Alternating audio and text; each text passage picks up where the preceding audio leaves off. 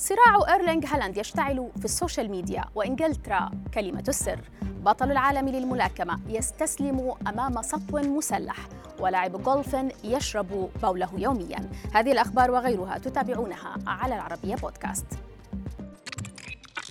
نبدأ أخبارنا من إنجلترا وتحديدا مانشستر سيتي والضجة التي أثيرت اليوم في ال social media حول توصل متصدر ترتيب الدوري الإنجليزي لاتفاق رسمي لضم النرويجي هالاند لصفوف الفريق بداية الموسم المقبل.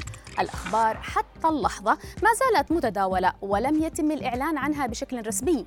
الأنباء تشير إلى أن الصفقة ستكون تاريخية وبحسب وصف ديلي ميل فإن هالاند سيصبح اللاعب الأعلى أجرا في تاريخ البريمير ليج بتوقيعه على عقد مدته خمس سنوات وبراتب سنوي يتخطى ال 500 ألف جنيه استرليني في الأسبوع الواحد.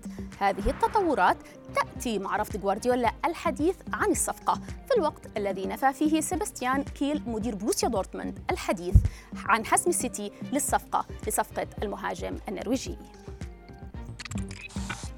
وإلى ولاية فلوريدا الأمريكية حيث قضى النجم الدولي المعتزل ديفيد بيكام إجازة قصيرة مع ابنه كروز في أحد شواطئ مدينة ميامي. لاعب مانشستر يونايتد وريال مدريد السابق رغب بقضاء عطلة مميزة مع ابنه الأوسط المحب للمغامرة. هذه الإجازة الغير عادية من الأب بيكام وصلت تكلفتها ل 600 ألف يورو وتمثلت بقضاء وقت قيل إنه ممتع مع أسماك القرش.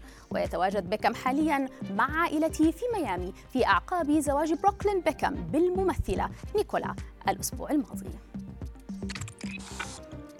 ننتقل الآن للحديث عن الطريقة الفريدة والصعبة التي لجأ إليها لاعب الجولف مورغان هوفمان العائد من اعتزاله للشفاء من إصابته بضمور عضلي حاد. بطل العالم للهواة في الجولف عام 2016 توجه في علاجه للطب البديل. وبحسب ذا صن فإن علاج هوفمان احتاج لعامين عاش أثناءها في أدغال كوستاريكا ونيبال واقتصر فيها ما يشربه على بوله. أما عن الأكل فكان يتناول 800 حبة عنب فقط في اليوم الواحد. إلى جانب بعض الأدوية التي تسبب الهلوسة. الختام مع الملاكم الشهير أمير خان وحالة السرقة التي تعرض لها تحت تهديد السلاح في العاصمة البريطانية لندن.